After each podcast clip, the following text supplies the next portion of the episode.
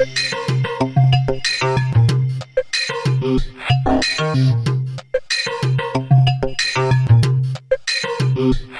zorg je dat het publiek aan je lippen hangt? Daar gaan we het vandaag over hebben in een nieuwe podcast. Mijn naam is Mirjam Slijkman en als high-end business coach help ik ambitieuze ondernemers door te groeien naar een hoger niveau met hun bedrijf, zodat zij kunnen werken onder hun eigen voorwaarden met de beste klanten tegen de beste prijzen. In mijn podcast spreek ik met deelnemers uit mijn programma, oud-klanten en of andere high-end ondernemers uit mijn netwerk. Ik ben nieuwsgierig naar hun drive, de weg die zij hebben afgelegd, maar vooral welke impact zij willen maken voor hun klanten. En vandaag heb ik een hele speciale gast, Esmeralda Kleinracing, de pitchcoach van Nederland. Na bijna 20 jaar officier te zijn geweest bij Defensie, heeft Esmeralda de overstap gemaakt naar het coachen van ambitieuze managers, leidinggevenden en professionals. Zij helpt hem om razendsnel hun publiek te overtuigen en te inspireren, zodat hun ideeën gerealiseerd kunnen worden. Haar passie is om mensen perfect te laten pitchen. Elke pitch is anders en het moet vooral bij jou passen. Maatwerk dus. Welke strategie Esmeralda toepast om dit te realiseren, ga ik haar het komende half uur vragen. Welkom Esmeralda. Dankjewel. Superleuk dat je er bent inderdaad. Uh, pitchen, nou dat is iets waar denk ik elke ondernemer iets aan kan hebben. Dus volgens mij uh, zitten mensen vol verwachting op hun stoel om te horen wat jij uh, gaat zeggen. En we hopen natuurlijk nog wat tips en tricks ook uit je te kunnen slepen in dit half uur. Maar laten we beginnen bij het begin. defensie interessant, maar misschien was er nog wel een leven voor Defensie. Hoe ben je in godsnaam begonnen? Waar is het begonnen bij jou? Um, ik ben, uh, toen ik een jaar of veertien was, toen, uh, toen, was voor mij de keus, ga ik uh, bedrijfskunde studeren. want ik wist dat ik het leuk vond om voorzitter van de schoolkrant te zijn en de leerlingenraad en dat soort dingen. En dus ik wilde manager worden. Of ga ik uh, naar de balletacademie. Want het leek me fantastisch om vier jaar lang uh, ja, aan klassiek ballet te doen. Dat was mijn grote passie. Alleen het idee dat ik daarna dan kleine meisjes moest gaan lesgeven, dat leek me helemaal niks. Dus um, uiteindelijk is het de combi van die twee geworden en dat was Defensie. Dus ik ben op mijn zeventiende naar de militaire academie gegaan, voor de landmacht, automatisering om precies te zijn. En uh, ik heb het eerste jaar niet afgemaakt, want ik kreeg een, uh, een ongeluk waardoor ik uh, anderhalf jaar heel slecht heb kunnen lopen. Oh. En dat was einde carrière. Dat was snel en ook wel heftig, inderdaad. Dan. Dat was heel heftig, ja. Dus um, en toen? uiteindelijk toch maar gewone bedrijfskunde gaan studeren aan de Erasmus Universiteit. daar management van verandering gedaan. jarenlang gewerkt als projectleider in de automatisering en als veranderdeskundige organisatieadviseur. En als ik heel eerlijk was, ik vond het gewoon niet leuk. Ik verdiende bakken met geld, maar ik vond het niet leuk. Um, ik miste het nut in mijn werk. Ja, voldoening, vervulling echt. Ja. ja. Dus bij veel high-end ondernemers, eigenlijk... moet een purpose hebben inderdaad. Ja. ja. En, en hoe ben, want je bent wel twintig jaar bij Defensie gewerkt. Hoe ben je daar dan gekomen? Even dat bruggetje. Ja, op mijn 27e dacht ik van, ja, ik wil gewoon werk hebben wat nut heeft. Waarvan ik weet dat het iets doet. Ik wil terug naar mijn oude werkgever, naar Defensie. En dat was tien jaar, letterlijk tien jaar later. Um, mijn, uh, mijn probleem, uh, mijn fysieke probleem was inmiddels weer helemaal opgelost. En um, ik, werd, uh, ik heb een open sollicitatie gestuurd. En ik werd aangenomen, gelijk ook op dezelfde rang waar ik zou zijn geweest als ik die tien jaar wel bij Defensie had, had gezeten. Oh, wauw. Um, en ik ben uh, als uh, major um, uh, Defensie weer binnengekomen, maar nu bij de afdeling automatisering um, als beleidsmedewerker automatisering. Eigenlijk gewoon tien jaar was je gewoon de cirkel weer rond en was je daar weer. Maar je hebt daar lang gezeten, hè? Je, je hebt twintig jaar volgens mij voor Defensie gewerkt. En je bent Klopt. ook echt uitgezonden geweest. Je hebt een boek geschreven. Ja, ik heb een boek geschreven over mijn uitzending. Toen ik terugkwam van mijn allereerste uitzending, toen was ik uh, hoofd luchttransportplanning geweest. Niet voor de Nederlandse missie, maar voor de totale missie. Voor de ISAF-missie in, uh, in Afghanistan. En toen ik terugkwam vroeg Meulenhof of ik een uh, boek wilde schrijven over mijn ervaringen. Dat was mijn eerste uitzending. En ik heb er daarna nog een heleboel, heleboel andere gedaan. Ik ben in alle grote uitzendgebieden geweest. Ehm, ik heb de meest gekke dingen gedaan. Ik ben de, de persoonlijk adviseur geweest van de twee hoogste militairen van Nederland. Van zowel uh, generaal Berlijn als uh, generaal van UM. Um, ik heb zeven jaar lang heb ik universitair docent mogen zijn aan de Nederlandse Defensie Academie. Waar ik onder andere gepromoveerd ben op storytelling in organisaties. Um, ik, uh, ik, heb, ik heb de meest leuke dingen gedaan. In de laatste twee jaar van mijn tijd bij Defensie was ik de pitchcoach van het ontwikkelfonds van Defensie. Ja, want ik denk heel veel luisteraars denken een mooi verhaal over Defensie. Maar dit ging toch over pitchen? Ik bedoel, Defensie, pitchen. Dat, voor mij zijn dat dingen die echt uit elkaar uh, liggen inderdaad. Uh, hoe, ben je, hoe is die overstap gegaan? Hoe ben je daarbij gekomen? Um, nou, bij Defensie uh, wist iedereen... Ik, ik had een boek geschreven. Naar aanleiding daarvan was ik gaan toeren. Heel veel lezingen gegeven. Dan word je op een gegeven moment gevraagd als keynote speaker. Als TEDx-spreker. Ah. als dagvoorzitter. Dus mensen binnen Defensie kenden mij als iemand die goed kan spreken. En uh, op een gegeven moment hadden ze een innovatiefonds. Hè. We hebben heel veel bureaucratie. En um, goede ideeën van de werkvloer die bereikten de defensietop gewoon niet. Dus ik denk dat dat een heel herkenbaar probleem is in heel veel bedrijven. Uh, en het innovatieve idee was... mensen van de werkvloer kunnen direct met de defensietop spreken... door middel van een vijf minuten pitch. Niks, geen papierwerk, gewoon een vijf minuten pitch. Ja, geen langdradig, geen stapels, geen beleidsdingen, gewoon pitchen. Vijf minuten pitchen en direct daarna binnen een uur horen of de defensietop het wat vindt en of je, of je ermee aan de slag mag. Um, super idee natuurlijk. Alleen al heel snel uh, was duidelijk dat de meeste mensen niet kunnen pitchen. Dus die defensietop die zat met, uh, met de handen in het haar. Want die hadden zoiets van, ja, um, geven we nou het geld aan die, ene persoon die stom toevallig kan pitchen? Um, of aan het beste idee? En ja, de meeste tijd die we besteden aan vergaderen hierover, die gaat over wat wilde die persoon nou?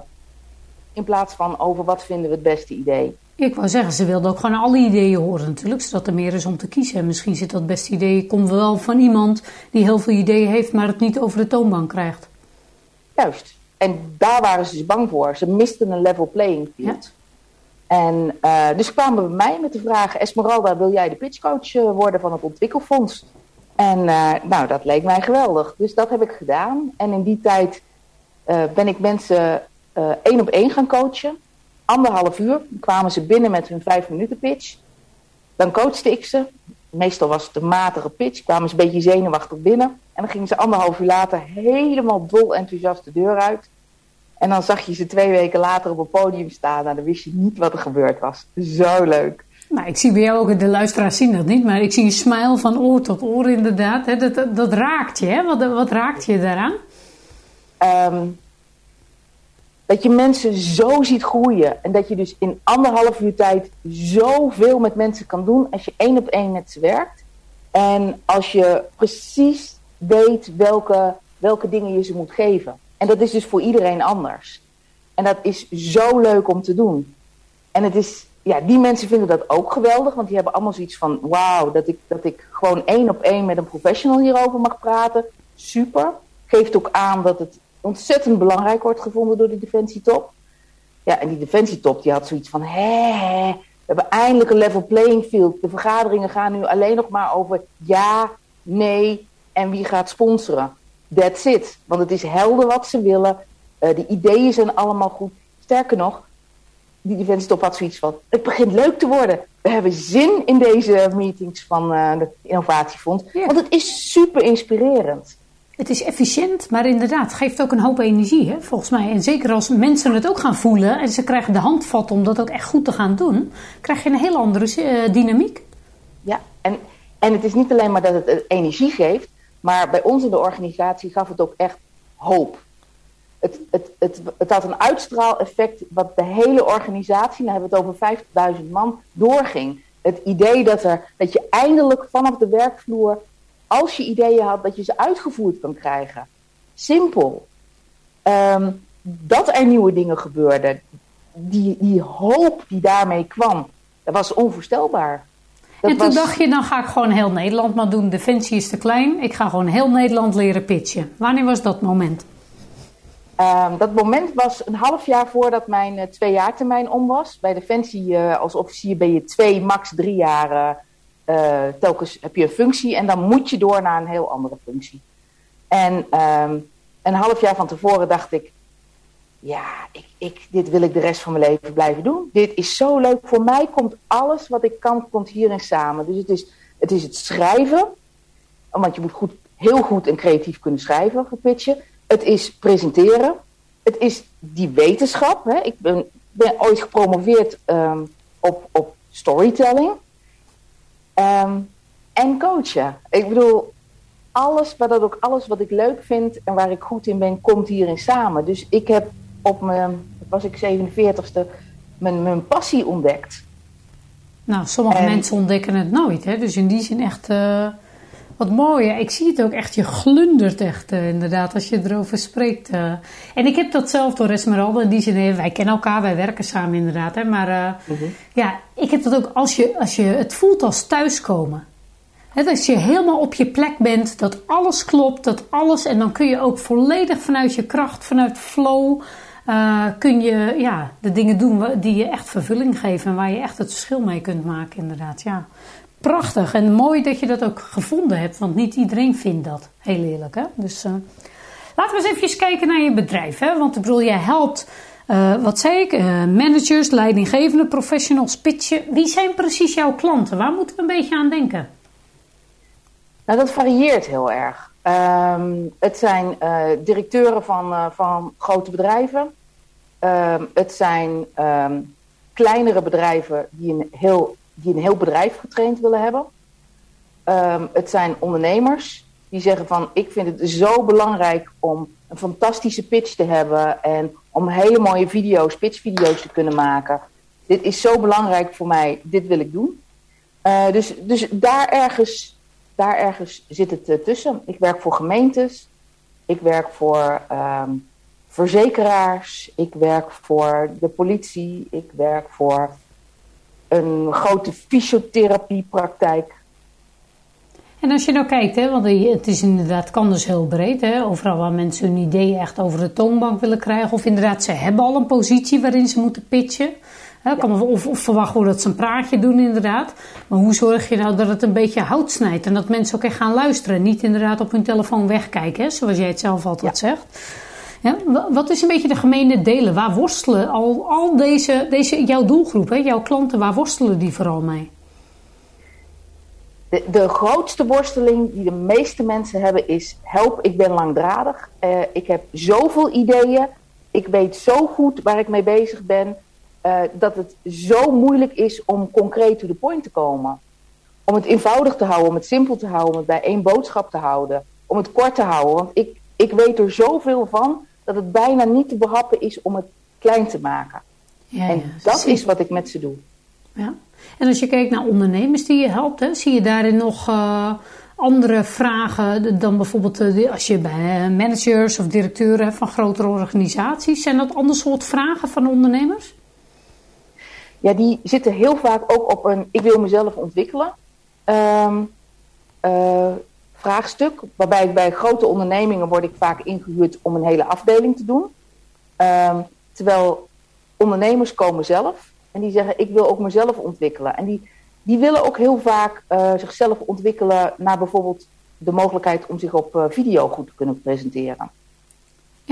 Dat is heel belangrijk, denk ik ook inderdaad. De zichtbaarheid in dit thema. En, uh, maar misschien ook inderdaad als keynote speaker of TEDx talk of dat soort zaken inderdaad. Dat zijn dan de wat grotere dingen. Maar echt goed tot de kern komen in je video. Zeg maar. Hè? En dat niet alleen gewoon in waarde goed kunnen presenteren, maar ook echt uh, op een manier die ook aanspreekt. Ja, want daar gaat het om. Um, de boodschap overbrengen, die breng je niet over door door abstract te zijn en feiten te brengen. Dat gaat het ene oor in, andere oor uit. Als je een boodschap wil overbrengen, dan zal je, ja, dan zal je mensen jouw wereld in moeten trekken. En, en dat doe je, maar op één manier. En dat is met een verhaal. En als je met mij werkt, moet dat een echt verhaal zijn. Een echt gebeurd verhaal. En um, ja, dat heeft voor mij twee redenen. De eerste is, dat gaat domweg over jouw integriteit. Maar de tweede is, ik werk nooit met professionele acteurs. Dus als het niet een waar gebeurd verhaal is, dan klopt wat je met je gezicht doet, wat je met je stem doet, wat je met je ogen doet, wat je met je handen doet. Dat klopt niet.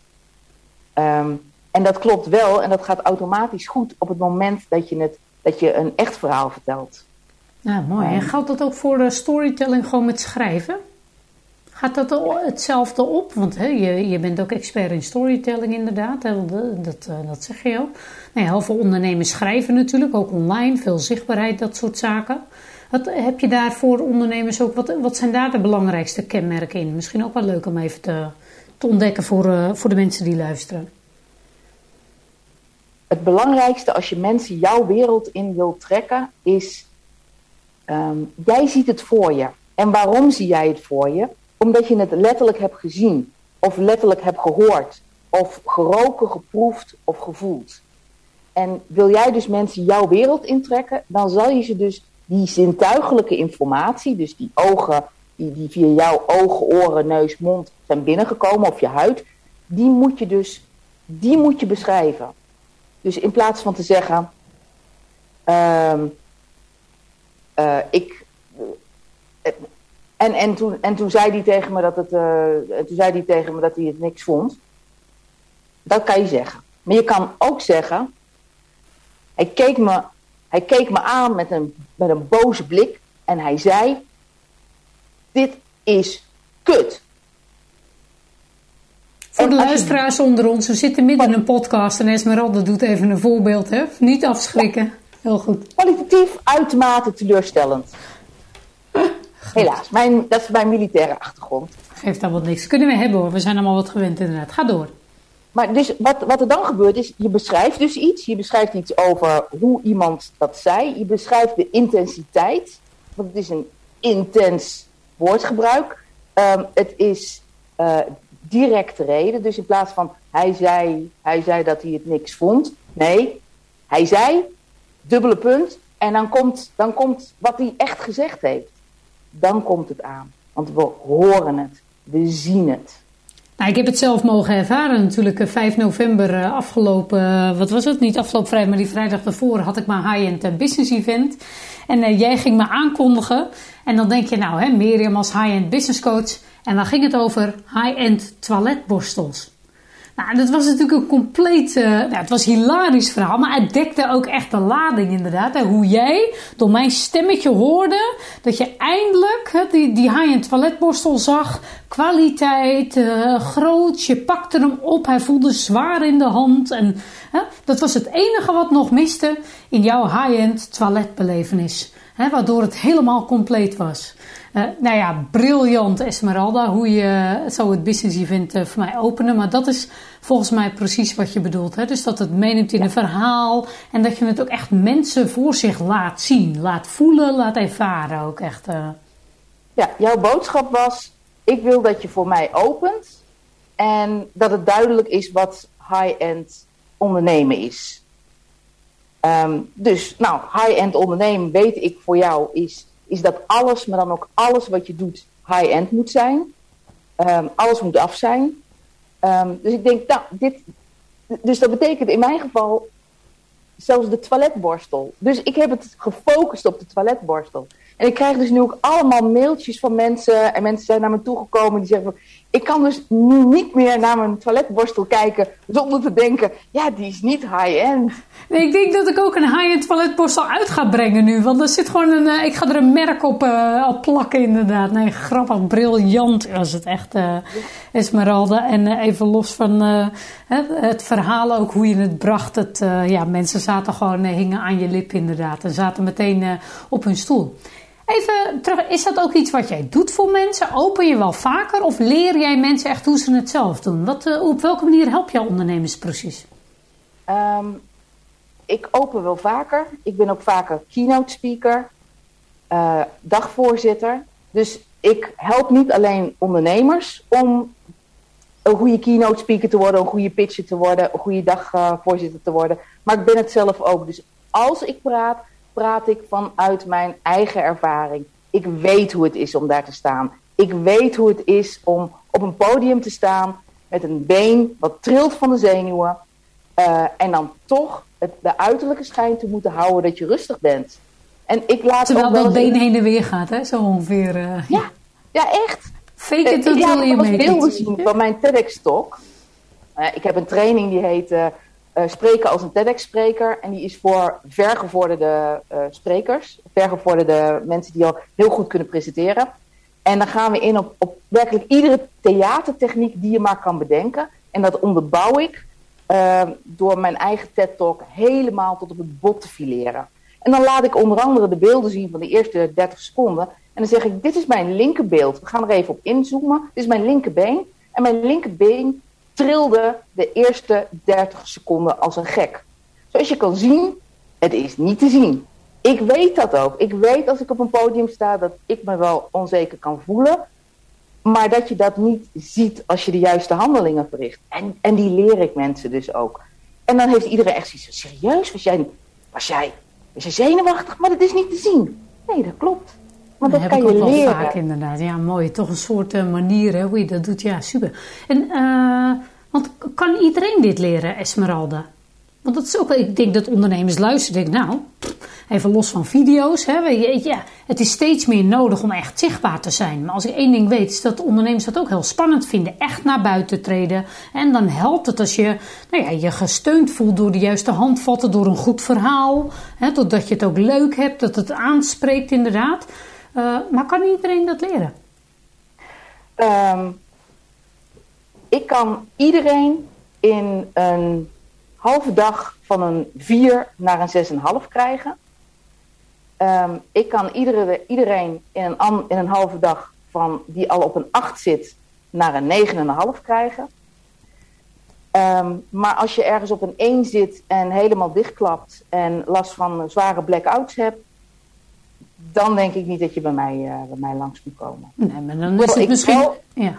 Ja? Ik heb wel een techniek, eh, dat heet lijfleren. Dat is een techniek die, die je alleen bij mij kan krijgen. Ehm, en die techniek zorgt ervoor dat je eh, nooit meer een blackout kan krijgen als je op de goede manier hebt geoefend. Ja. Ehm, en bovendien als bonus ook nog eens zeven keer sneller is dan uit je hoofd leren. Wat zijn de belangrijkste bezwaren van ondernemers als je ze spreekt? Want ik wil- kan me voorstellen dat iedere ondernemer of manager of directeur dit echt ergens, als je hiermee bezig bent, is dit super interessant. Maar wat zijn de belangrijkste bezwaren die je hoort van mensen? Even In nieuwsgierig. een verkoopgesprek bedoel je? Nou ja, of als je ze spreekt inderdaad, en dat ze misschien denken, nee joh, dat kan ik helemaal niet. Of dat is voor mij niet weggelegd. Of, eh, Nou, ik, als ik kijk naar de mensen die. Ik heb eh, een aantal keren. Maar dat zijn dan niet de ondernemers. Dat zijn niet de mensen die het zelf betaald hebben. Maar ik heb een aantal keren mensen getraind die door hun eh, directeur gestuurd werden. En die zeiden. de- nou, laat ik het verhaal vertellen van de secretaresse. De secretaresse werd gestuurd en die zei tegen mij: Esmeralda, ik heb me niet kunnen voorbereiden. Ik vraag namelijk altijd om. Ik geef ze eerst een individuele masterclass. Waarbij je de vier elementen van, van de, de perfecte pitch leert. En dan zeg ik: neem even een half uurtje, niet langer, om een conceptpitch te schrijven. En dat is dan waar we mee aan het werk gaan. En, ehm, en die kwam en die zei: Ik heb helemaal niks voorbereid, het lukte niet. En eh, als ik heel eerlijk ben, ik wil gewoon, als ik aan een tafel zit, dan, dan, dan. Het enige wat ik wil is dat ze mij overslaan bij een rondje. Ik wil mezelf helemaal niet voorstellen, vind ik vreselijk.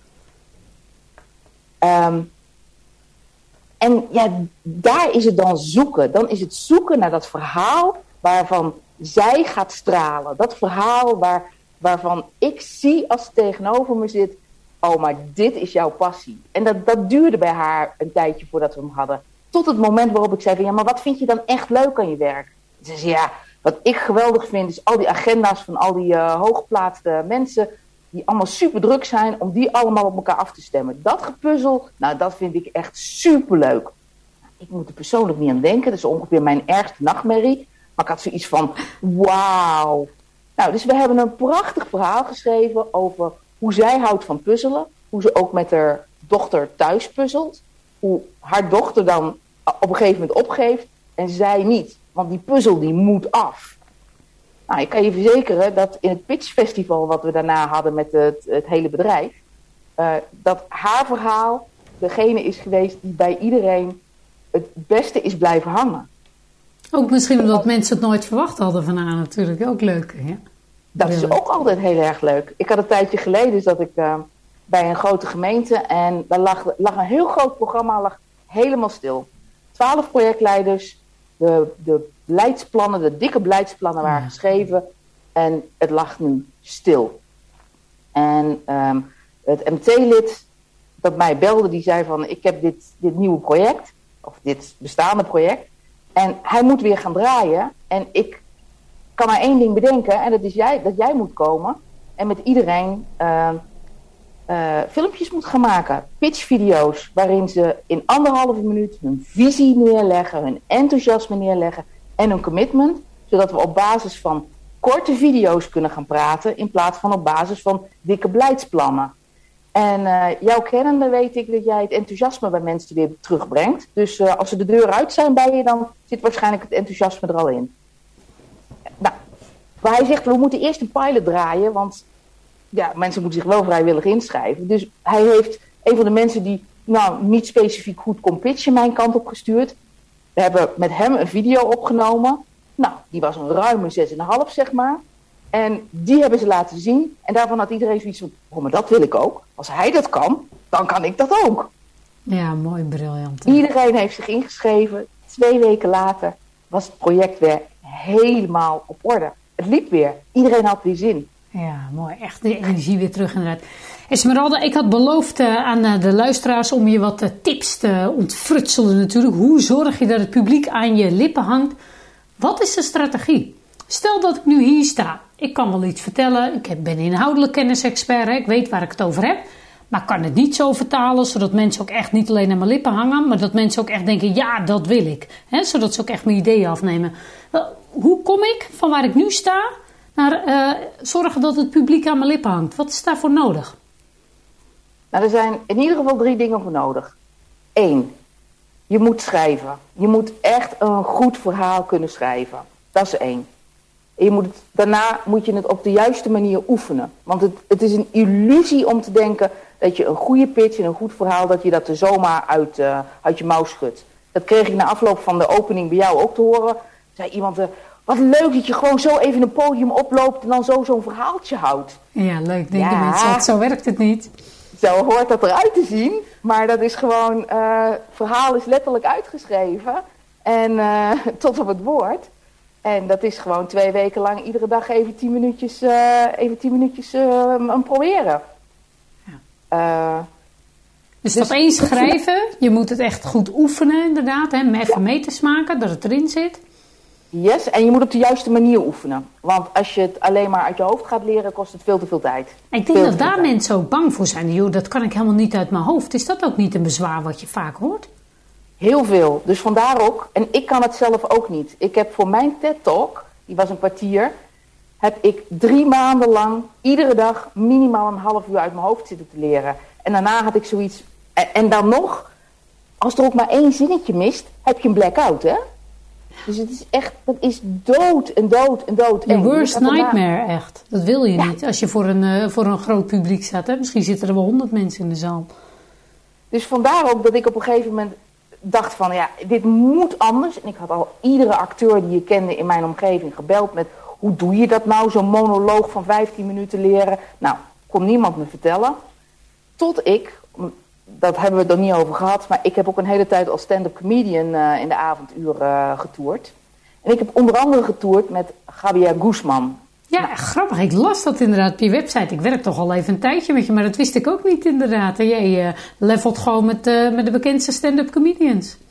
Yes. Leuk hè? Ik heb voor hem geopend. Ik heb niet alleen geopend voor Mirjam Slijkerman, maar ook voor Gabriel Guzman. Nou, wat leuk dat Gabriel dat ook mocht inderdaad hè? Nee, grapje. hey, maar vertel, wat heb je daarvan geleerd? Wat heb je daaruit meegenomen inderdaad? Want het heeft je iets opgeleverd. Ja, ja ik, ik, stond dus avond aan avond in de coulissen te luisteren naar hem en te kijken. En wat mij opviel is dat de teksten waren nooit hetzelfde. Maar waar hij stond op het podium was wel hetzelfde. En wat hij met zijn lijf deed, met zijn handen en met zijn stem, dat was wel iedere keer hetzelfde. En toen viel op een gegeven moment het kwartje. Je moet het niet uit je hoofd leren. Je moet het in je lijf leren. Is dat de belangrijkste tip ook van vandaag, meteen? Dat is de aller, allerbelangrijkste tip. En dat Ga is ook niet uit je hoofd leren, leer het in je lijf. Nou, dat klinkt makkelijker gezegd dan gedaan, maar dan gaan we natuurlijk uh, nog even verder vragen. Hoe leren we het in ons lijf? Nou, punt 1, kom bij mij, want dit is een techniek die niemand je gaat aanleren. Dit is, dit is mijn techniek. Dus uh, kom bij mij en ik leer het je aan. Maar um, om je een, een idee ervan te geven, um, als je normaliter aan het praten bent, de meeste mensen die praten wel een beetje met hun handen. En die maken daar dan functionele gebaren bij. En op het moment dat jij op een podium staat, dan doe je dat niet meer. Dan sta je met je handen en dan weet je niet meer wat je moet doen. Maar op het moment dat je, dat je wat je zegt onderbouwt met, met gebaren of met gebaren die functioneel zijn, dus niet zomaar iets, maar um, bijvoorbeeld, ik heb een stukje uh, stand-up comedy routine die ik maar niet kon onthouden. Uh, er was een heel klein stukje Ehm, even voor de duidelijkheid, als stand-up comedian, ik was militair stand-up comedian. Uh, wat betekende dat mijn state, die, die, die, die ja, een soort uh, vervreemde vrouwelijke overste, die met een, met een vreemde blik kijkt naar de burgermaatschappij en denkt, wat zijn er toch een rare mensen, die burgers. En, en die moest ik dan onder andere uitleggen wat dan een legerkampwinkel was. En dat grapje, dus een tussengrapje, daar moest ik dan, uh, daar zei ik dan dat ik iets te maken met ja, dat is zo'n winkel, daar kan je dan eh, een blikje cola pakken, een tubetje tandpasta of een handgranaat. Oh. En ja, het is een grapje, hè. Dus, kan uh, zeggen, ja, inderdaad. Dat is een, twee dingen waarmee je een patroon doet en dan de derde is een afwijking. Um, en die kon ik niet onthouden tot het moment waarop ik dus het gebaar maakte van een blikje cola. Als ik zei, kun je een blikje cola pakken? Dus alsof ik een blikje cola vasthield. Het gebaar alsof ik tubetje tandpasta op mijn uh, tandenborstel maakte. En daarna een wegwerpgebaar voor mijn handgranaat. En vanaf dat moment, ja, ik, ik kan die grap nu overal maken, want ik weet gewoon, ik hoef alleen maar die drie gebaren te maken. En het zit erin. Het rolt eruit, ja, grappig. Het je hebt dat uh, eigenlijk een soort klassiek geconditioneerd of zo is dat dan. Klopt dat? Werkt het een beetje via dat principe? Nou, dat weet ik. Waar het om gaat is dat het spiergeheugen is. En spiergeheugen is gewoon veel krachtiger. Luisteraars, we gaan even de wetenschap in hoor. Neem, neem ons eens eventjes mee. Hoe werkt het Esmeralda? Spiergeheugen. Spiergeheugen. Dat is het feit dat als je vroeger ooit hebt geleerd om te zwemmen... en je hebt nu al de vijf jaar niet meer gezwommen... en je gaat nu zwemmen, kun je nog steeds zwemmen. Net als fietsen. Dat verleer je nooit. Net als fietsen. Of piano spelen. Uh, dat zit in je spieren. Dat zit, en, dat, en dat geheugen is veel krachtiger en veel onbewuster dan het geheugen wat in je, wat in je hoofd zit. Dat is, dat is heel erg beperkt. Um, en op het moment dat je dus gebruik maakt van dat spiergeheugen, dat is veel makkelijker. Het gaat veel sneller allemaal en het, het, het vloeit. Nou, dat is het echt, ik vind het echt, ja, het is echt briljant. En zeker voor de ondernemers die zichzelf veel meer zichtbaar willen maken. En ook in deze online wereld, hè, ik bedoel, hoe onderscheid je je nou? Nou, niet alleen door hè, onderscheidende waarden te bieden, hè, dat, waar ik het altijd over heb in high-end ondernemen, maar ook door een onderscheidend verhaal. Hè, want ik bedoel, er is zoveel, zoveel dertien in een dozijn. En als niet iets, of iets niet interessant is, is meer van hetzelfde dus alleen daarom jouw eigen verhaal daaraan te gaan koppelen en het echt vanuit die authenticiteit ook, echt goed naar buiten te brengen in uh, ja, eigen korte tijd. Want jij hebt het altijd over razendsnel overtuigen, inderdaad. ik denk dat dat voor heel veel mensen heel interessant is, Esmeralda. Volgens mij heb je een heel dankbaar beroep ook. Het is fantastisch. mensen komen, komen bij mij weg na een halve dag werken, soms zelfs maar na anderhalf uur werken. En, en het is echt emotioneel voor mensen. Ik kan me dat heel goed voorstellen. Ik, ik had vorige week nog een mevrouw en die, nou, we hadden het over waar hebben ondernemers last van. Uh, waar hebben de meeste mensen last van die bij mij komen. Die zeggen, ik heb zo'n vol hoofd dat ik niet weet hoe ik dat kort op papier moet krijgen. En kort op een bühne. Nou, dat had zij dus ook. Dus ze komt bij me en ze zegt, Esmeralda, ik heb gewoon niks voorbereid. Helemaal niks. Het lukte niet.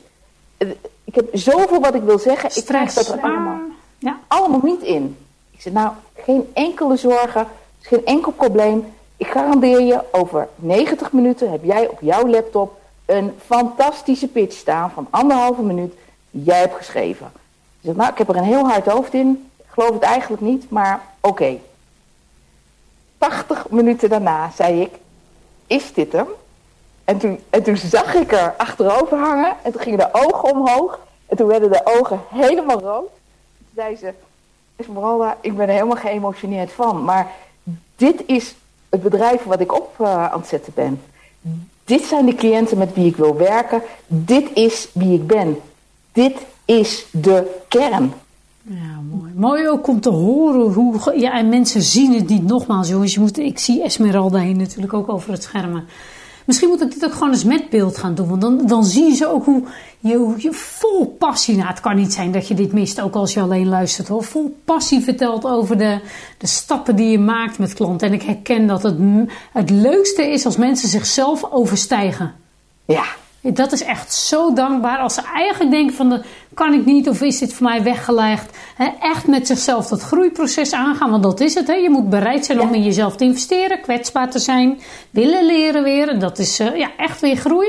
Maar als het dan lukt, ja, zo dankbaar en zoveel veranderend, life-changing uh, voor mensen. We hebben al iets uh, gehoord, natuurlijk ook meer over jou en jouw achtergrond, Esmeralda. Maar als je nou zegt, want als mensen met jou gaan werken, wat, wat kenmerkt nou echt Esmeralda? Noem eens één kenmerk waarvan je zegt, nou dat is echt helemaal Esmeralda. Nou, wat ik van iedereen terughoor en ook teruglees in alle aanbevelingen op LinkedIn is... Esmeralda is enthousiast en Esmeralda weet mij enthousiast te krijgen. En Esmeralda geeft hele prettige feedback. Ja, en wat maakt die prettige feedback voor mensen dan? Gewoon met respect of zo, is dat het? Of wat? Ja, um, ja, ik moet er altijd een beetje om lachen.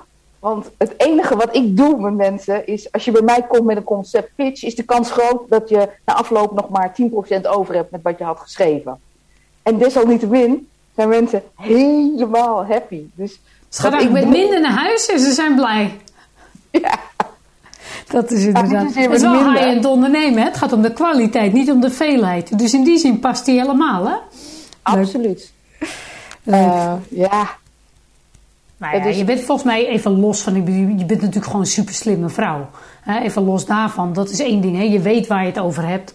Uh, je bent echt expert op dit gebied. Hè? Niet alleen de jaren in de, in de theaterscene komen, stand-up comedian inderdaad, jaren al pitchen. Je hebt heel veel, echt uh, honderden ondernemers al geholpen en, uh, en managers en directeuren inderdaad.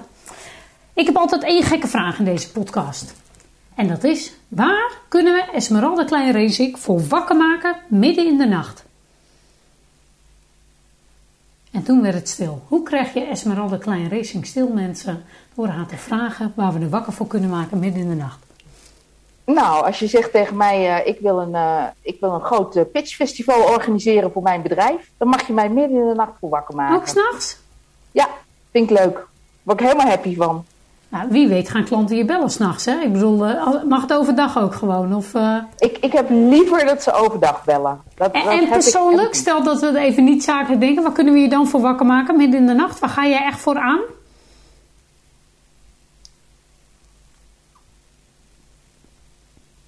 Nou, ik denk als er een, als er een uh, vriend of vriendin belt die echt in de shit zit en die geholpen moet worden Kun je mij ik, ik, ik, dacht, nou krijgen we een antwoord voor een goede borrel en chocola of zo. Of een uh, lekker wijntje of iets, uh, dat soort dingen. Maar echt, uh, ja. Maar dat kenmerkt jou ook weer. Vind, ik vind slaap super belangrijk. Ik, Eigenlijk wil je helemaal niet dat we je wakker maken. dat vind ik ook helemaal niet erg. Ik vind slaap echt, slaap is echt super belangrijk. Ik heb een paar weken geleden de, de Hell Week gedaan. En oh, dan ging je, moest je om vijf uur s ochtends opstaan. En uh, en dan ging hij sporten. Nou, dat is morgens gelijk sporten vind ik super lekker. Maar een van de fijne dingen van niet meer in het leger zitten, is dat ik mijn eigen werktijden kon bepalen en in mijn eigen natuurlijke ritme kon leven. En mijn ritme begint bij half acht ochtends. dus dit was twee en een half uur van mijn slaaptijd af. Want ik ga sowieso al om een uur of tien naar bed. Dus het was niet zo dat er dan heel veel meer uh, slaaptijd bij kwam. En dat is me na twee weken behoorlijk gaan opbreken. Snap ik, ja. inderdaad. Nou, e- eigenlijk het grappige is, veel ondernemers zeggen dat. Laat maar lekker slapen, inderdaad. Uh, mooi, hè? En uh, echte high-end ondernemers die presteren op hoog niveau... hebben ook de balans tussen rust en presteren. Weet je wel? Want dat is natuurlijk ook belangrijk. Weten wanneer je moet presteren, maar ook je rust pakken... om dat uh, te kunnen doen. En je lichaam en geest ook weer lekker de rust te geven... en weer lekker nieuwe creativiteit te ontwikkelen. Esmeralda, je bent natuurlijk ondernemer. Uh, je maakt zelf de stap ook richting high-end ondernemen inderdaad. Uh, wat maakt, of misschien wel leuk om even te horen voor ondernemers... ook een stukje persoonlijk inderdaad. Wat kom je bij jezelf tegen in het ondernemerschap? Nou, wat, ik het meeste tegenkom is... Uh, ik heb twintig jaar lang van alles en nog wat gedaan en geleerd bij Defensie... Maar uh, sales en marketing zat daar niet echt bij. Dat is echt dus, andere koek, hè? Vond ik ook zo confronterend voor mezelf, inderdaad. Ja. Wat vind jij daar het meest confronterend aan? Uh, nee's incasseren. Oh ja, kwetsbaar, hè? Ja. En het stomme is, je krijgt natuurlijk altijd meer nee's dan ja's. Ook bij high-end ondernemen. Je conversie is wel goed, zeg maar, in sales als je de juiste klanten hebt. Maar die nee's blijven komen, inderdaad, ja. Ja, want ik weet nog dat jij op een gegeven moment tegen mij zei... Ja, maar Esmeralda, jouw conversie is echt super hoog. is echt super hoog. Jouw tarieven zijn echt veel te laag. Die moeten veel hoger zijn als je dit soort uh, conversierates hebt. Want die, jouw conversierate moet naar beneden. Je krijgt veel te veel ja's. Ja. Dan blijf je nog steeds hard werken. Hè? Dus dat betekent... Als je te veel ja's krijgt inderdaad... dan kan het zijn dat je gewoon te weinig vraagt. Dus uh, dat klopt inderdaad. Uh. Het is een heel kwetsbaar proces waar je jezelf gewoon ook heel erg tegenkomt, eh, vind ik zelf ook. Uh, ja, dus dat is ook inderdaad onder andere nees incasseren. Hè, maar ook echt naar buiten treden merk ik heel vaak. Niet alleen bij mezelf en ondernemen. Het is ook echt een leerproces om daar vol in je eigen waarde ook uh, te gaan staan, uh, inderdaad. Ja. En toch en is het het, mensen, Ik merk het ook bij mensen die bij mij komen. Die zeggen, die zeggen heel vaak van ik hou niet van verkooppraatjes. Oh ja. ik, ik wil geen salespraatjes houden. En dan kan ik ze geruststellen, want dan zeg ik, maar je hoeft ook geen salespraatjes te houden. Je, moet, je hoeft alleen maar je echte, oprechte enthousiasme uh, uit te stralen. En dat vinden wij geweldig. Dat, Dan krijg je publiek aan je hangen. Mooi, en dat is bij high-end sales niet anders inderdaad. Ook daar doen we niet aan verkooppraatjes. Het gaat over wel dat je je meest waardevolle, mooie gesprekken kan voeren inderdaad. Het gaat nooit erg over, over klanten ergens in... Uh, uh, rommelen of worstelen inderdaad. Ja, mooi Esmeralda. Dankbaar inderdaad. Ja, dat leer ik ook heel erg van jou. Het gaat over nieuwsgierig zijn naar de klant. Nieuwsgierig naar wat een klant nodig heeft. Oprechtheid, aandacht, nieuwsgierigheid. En kijken vanuit een groot lonkend perspectief voor die klant. Pas dan kun je het verkopen. En ook niet iedereen is jouw klant en dat is ook goed. Ja. Het moet echt een win-win zijn. We zijn niet meer of niet minder. Je bent gelijkwaardig aan klanten. En als het niet een win-win is, ja, dan is het wel jammer. Maar ook dat ga je steeds meer leren hoor. Die onthechtheid dat je dan kunt denken, als je nee krijgt, nou dan was het niet mijn klant of nog niet mijn klant. En dan komt de volgende weer. dat is echt ook een groeiproces inderdaad waar je helemaal doorheen gaat. En nou ja, waarschijnlijk herken je dat ook. Uh. Esmeralda, is er nog één laatste tip die jij mee wil geven aan in ieder geval de mensen die luisteren? Directeuren, ondernemers, geen idee, grotere, kleinere bedrijven, ZZP'ers. Wat is een tip waarvan je echt denkt, nou, die wil ik echt meegeven. Dat is echt nog los van live leren. Die hebben we al gehad, inderdaad. Wat is uh, heel belangrijk? Wat gun je iedereen? Nou, we hebben het gehad ook over hoe belangrijk storytelling is. En dat je dat doet uh, door middel van uh, je zintuigen gebruiken. Um, maar de andere belangrijke tip die ik wil meegeven is als je maar heel kort tijd op een podium hebt. Een minuut, anderhalve minuut, tweeënhalf, drie minuten. Eén boodschap Probeer niet drie boodschappen erin kwijt te kunnen, niet vijf. Hou het bij één boodschap en onderbouw die boodschap met een geweldig verhaal. Want dat, dat komt aan. Focus. Dan heb je je publiek ja. uh, aan je lippen hangen. Focus, focus, focus. Zo yes. Ja. Mooi. Stel dat uh, mensen luisteren en uh, op het eind natuurlijk zeg ik dat ik altijd eventjes... en ze willen heel graag eens uh, nou, meer van jou weten of met je in contact komen. Ik kan me voorstellen dat er meer mensen zijn die gewoon inderdaad zich zichtbaar willen maken voor video... of zich sowieso beter willen presenteren naar buiten of hun ideeën over de bühne willen krijgen. En misschien zelfs als ze wat groter denken inderdaad gewoon ook keynote speaker willen zijn... of ook TEDx Talk willen doen inderdaad... Hoe kunnen ze eventjes eh, met jou in contact komen, Esmeralda? Wat is de meest handige en slimme manier? Uh, www.depitchcoach.nl slash contact. En dan kun je direct in mijn agenda gewoon een, uh, even inboeken. En als, als er geen tijd bij staat die voor je werkt, stuur me even een mailtje. Info apenstaart depitchcoach.nl Leuk. En dan kunnen mensen gewoon eens even vrijblijvend met je sparren en kijken gericht ja. hè, wel, wel, hoe zij hierin kunnen doorgroeien en wat hun mogelijk in de weg staat inderdaad. En stel dat we iets meer van je willen zien of horen, kunnen we dat ook ergens downloaden of is het op dezelfde site gewoon? je kan het op die site zien, maar ik heb ook een YouTube-site, um, de Bitch Coach. En ik, heb, ik ben heel goed te vinden op, op LinkedIn. Ik deel iedere week twee blogs of één blog en één video. Dus op dinsdag en op donderdag kun je van mij op LinkedIn altijd een, een blog verwachten. Nou, echt super. Hartstikke bedankt Esmeralda. Super leuk om je, en dat vind ik ook zo leuk, want ik werk samen. Ik help je natuurlijk om die stappen te nemen. Maar ook ik heb weer nieuwe dingen van je geleerd. Ik wist niet dat je ook echt stand-up comedian uh, was geweest inderdaad. En ik uh, voel me heel dankbaar dat ik in dezelfde lijn als, uh, wat was het? Xavier Javier Guzman. Oh ja, oh ja inderdaad. inderdaad, nou ja, dat jij ook voor mij hebt geopend. mooi. Je bent een echte expert op dit vak, vol passie. En uh, mensen mogen ontzettend blij zijn. En wat ik zo bijzonder vind, is dat je in zo weinig tijd eigenlijk zoveel resultaat al kunt behalen. Dus dat heb ik ook echt weer uit deze podcast gehaald. Uh. Mensen, wil je meer weten van Esmeralda Klein Racing, de pitchcoach van Nederland? Of uh, je laten inspireren? Kijk op haar LinkedIn, kijk op haar website www.depitchcoach.nl. En kijk eens eventjes eh, wat zij nog meer te bieden heeft voor jou. En wil je haar direct spreken? Schroom dan niet om gewoon eens even contact op te nemen. Om te kijken wat ze voor jou ook zou kunnen betekenen. Je zal niet de eerste en zeker niet de laatste zijn die ook het publiek echt aan zijn lippen heeft hangen tijdens jouw presentatie. Esmeralda, onwijs bedankt. Superleuk dat je dit wilde doen en jouw kennis ook en je verhaal wilde delen. En uh, voor de luisteraars onder ons, ik hoop dat jullie weer geïnspireerd zijn uh, met een heel ander thema. De volgende podcast is weer anders en blijf dan ook lekker luisteren. Ik spreek jullie de volgende keer. Tot dan.